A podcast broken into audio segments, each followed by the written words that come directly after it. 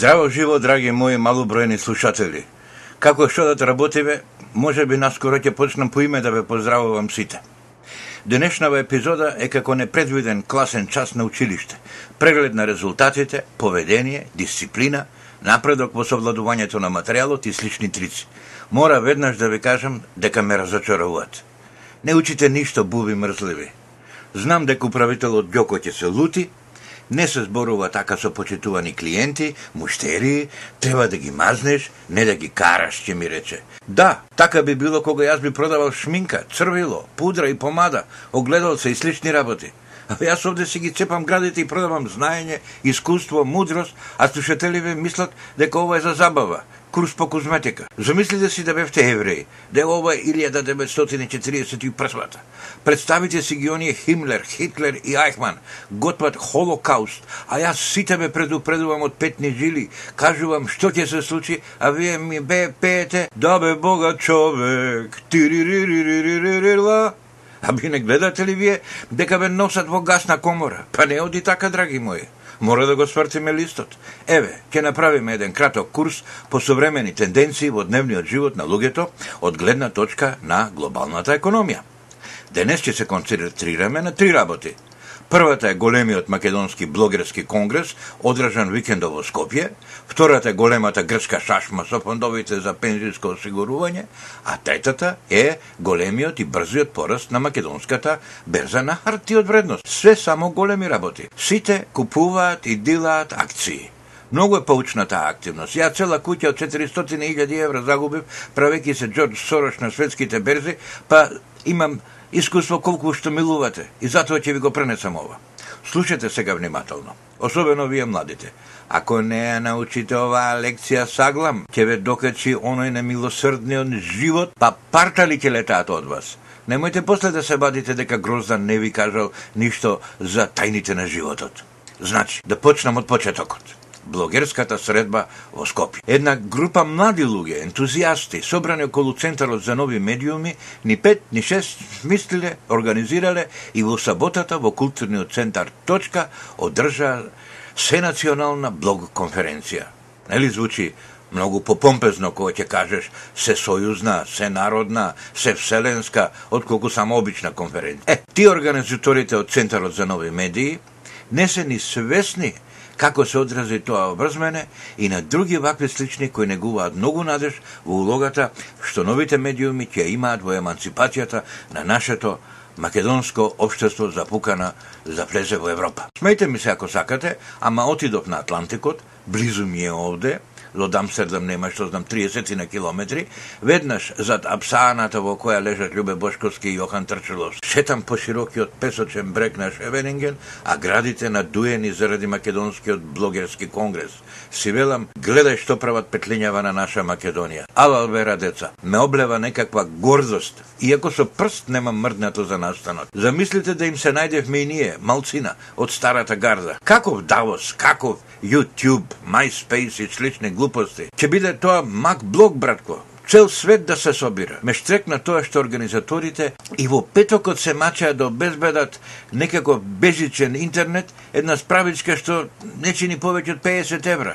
Жива брука и за сите провайдери во Македонија, за Унет и за Тоше Пешев за Семос и за Јасна Црвенковска и за оној Санкоч или како се викаше, за оннет и малиот Сашо Поповски на Златка, за тие од Германос, за сите ни в брука. Да дознаев на време ќе им го пратев мојот стар Еплов и под екстрим да можат безлично да работат луѓето. Меѓутоа не знае. Центарот за нови медиуми декларира дека е за подршка Внимавајте ова, за подршка на медиуми со отворен контент, со отворена содржина, кои има возможуваат на сите граѓани да бидат медиуми и да партиципираат во создавањето на медиумските содржини на светот.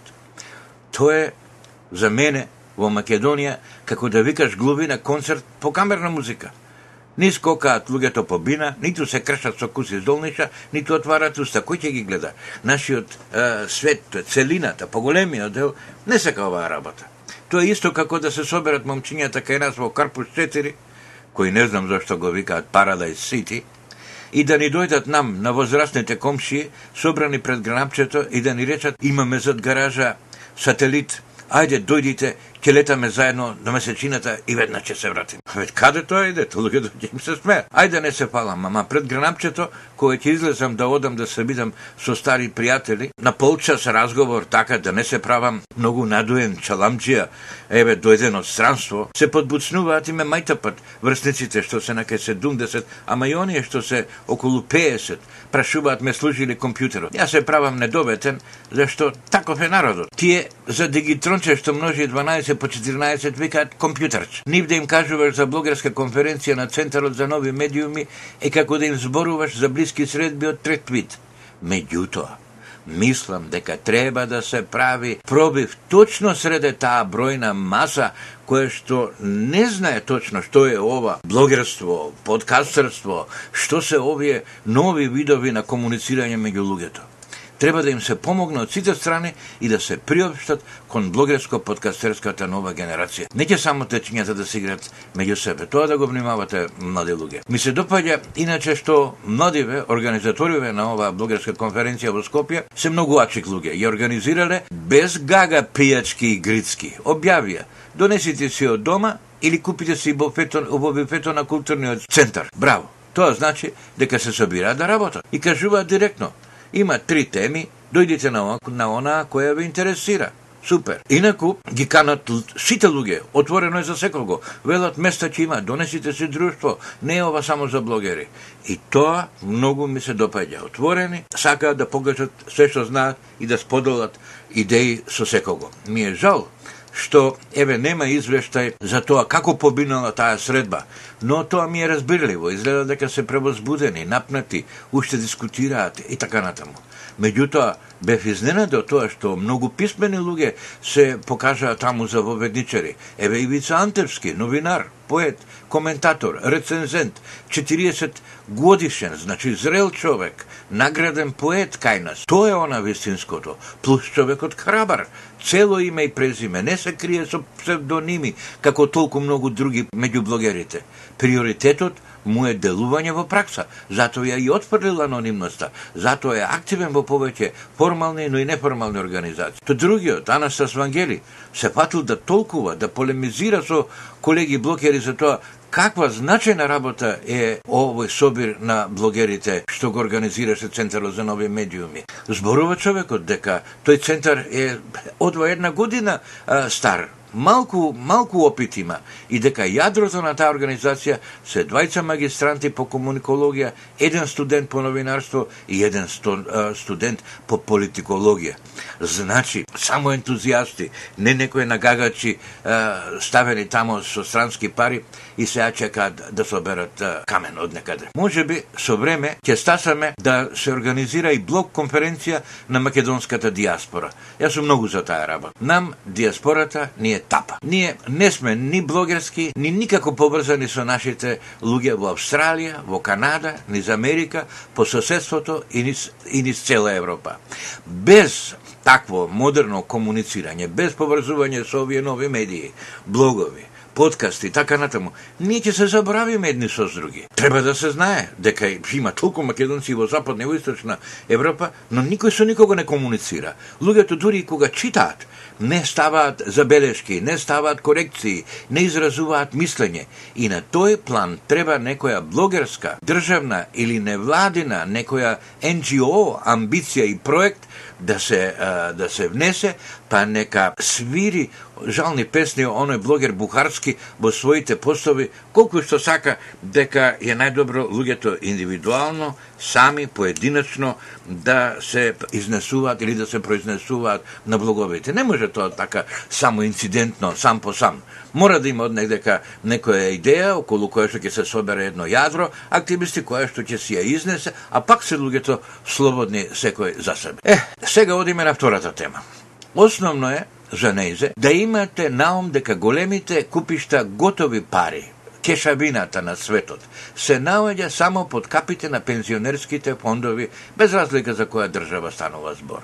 Значи, ако се разбереме за ова, полесно ќе оди се. Ваквата ситуација укажува дека Слично како што на биволите очите им се во зелката, на сите белосветски апашишта очите им се во берзите и во заштедите за пензија милиони луѓе. Може сега да и се посветам на грчката шашма од 280 милиони евра. Значи вака, на владата во Атина и требале пари за војни набавки, веројатно за куршуми, или за генералски униформи, или за така нешто ситно, затоа што за авиони и бродови се потребни милиарди евра. Мајсторите ја подучиле владата на Кириос Карамалис да издаде харти од вредност што ги викаат бондови. Ако е еден бонд, примерно 1000 евра, со едно 280.000 хартивчиња или бондови и на нив нацртано Елиники демократија, не знам што, вреди илјадарка и така натаму, се врши работа. Сега нема владата ни време ни волја да продава такво хартивче по хартивче на тебе, на мене и така натаму и веројатно никој не би ни купил од незе такви е, бондови. Затоа мудри луѓе средиле една голема американска финансиска фирма, што се вика GP Morgan, да ги купи сите тие хартивчиња топтан, што може да биле печатени на фотокопир на некој пазарче, и да плати за нив солидни вистински евра. Сега Джипи Морган не би бил Джипи Морган, туку битолски тат, кога без врска би фрлал по 280 милиони евра за фотокопир бондови на која и да е влада, а камоли на Грчка. Пред викендо, едни уште поголеми апаши од Джипи Морган ги изцинкарија они од JP Морган дека и владата и таа банката JP Morgan и други 3-4 банки за нив имале план како тие бондови на крајот на краиштата да им се тутнат на пензионерските фондови на Грција. Внимавајте, каква куравте техника смислиле овие мајсториве. Грчката влада преку JP Morgan издава бондови за 280 милиони, ама му ги продава на JP Morgan за едно 200 милиони евра, да речеме. Овој моментно ги дава натаму за 240 милиони на германците од Хиповерајн и става у джеп едно 40 на милиони евра. Хиповерајн го шитка целото купче на некој Акрополис за 260 милиони и тие си зимаат едно 20 милиони чар. Овие пак од Акрополис му го продаваат на грчкото пензиско за 280 милиони, колку што пишува на хартивчињата наречени бондови.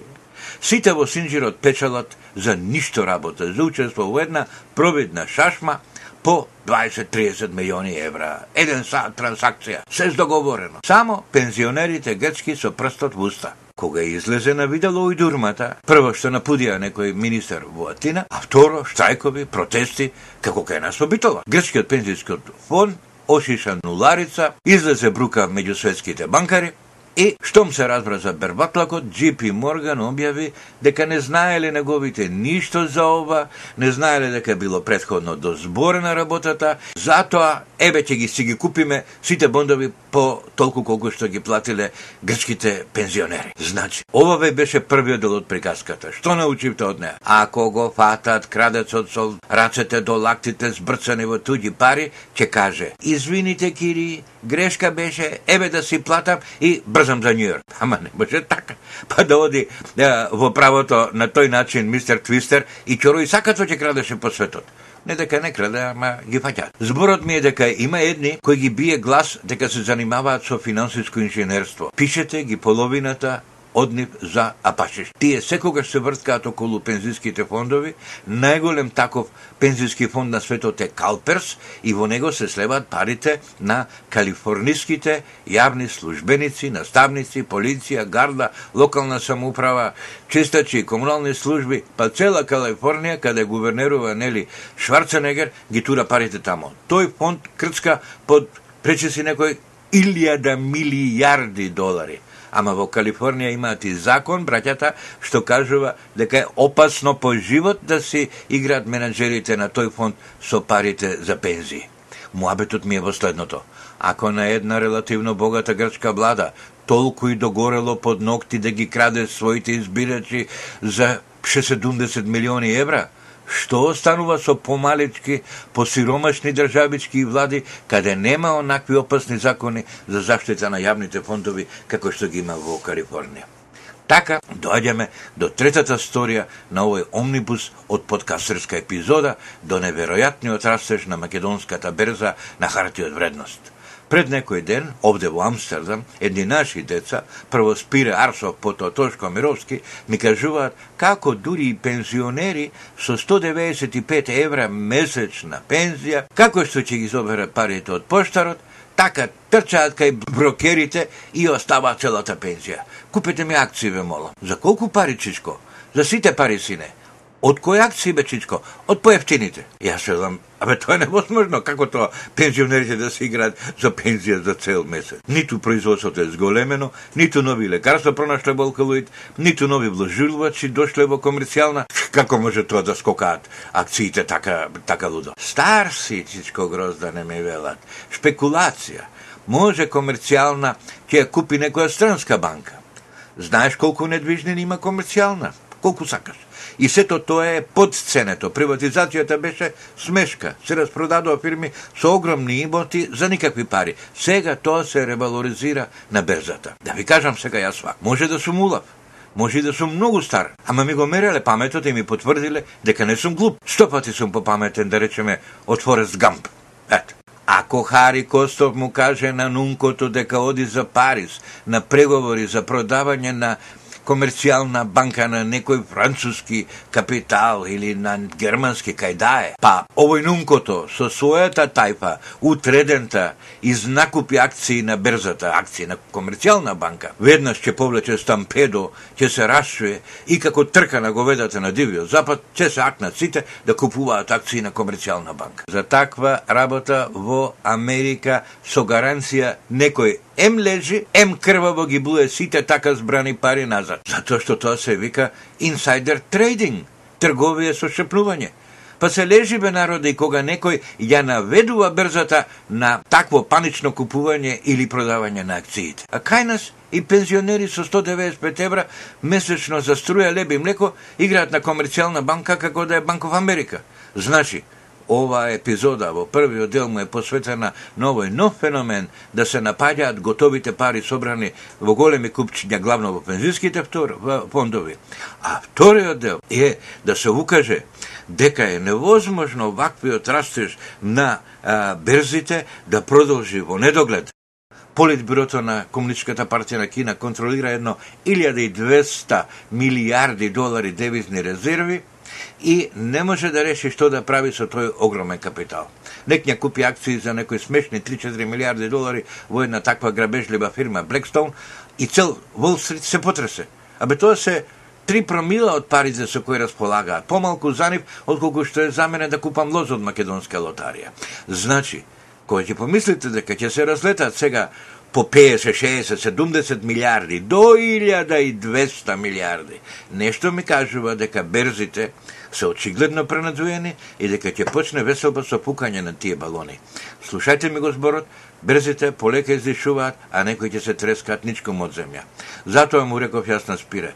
Сине, распродај ги сите акции што ги имаш, стегни печалбата под перница, тргни си го влогот и ако си на берзата, научи како се печали и кога таа паѓа затоа што има и за тоа техника да печалиш, а берзата паѓа.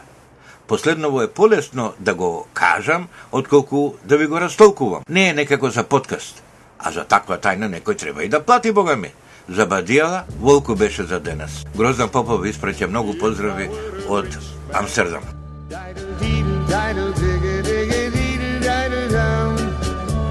All day long,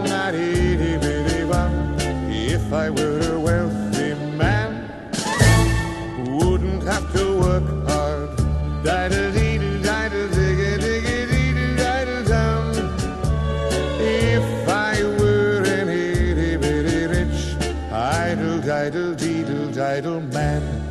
I'd build a big tall house with rooms by the dozen right in the middle of the town. A fine tin roof with real wooden floors below. There could be one long staircase just going up and one even longer coming down and one more leading nowhere just for show. I'd fill my yard with chicks and turkeys and geese and ducks for the town to see and hear, squawking just as noisily as they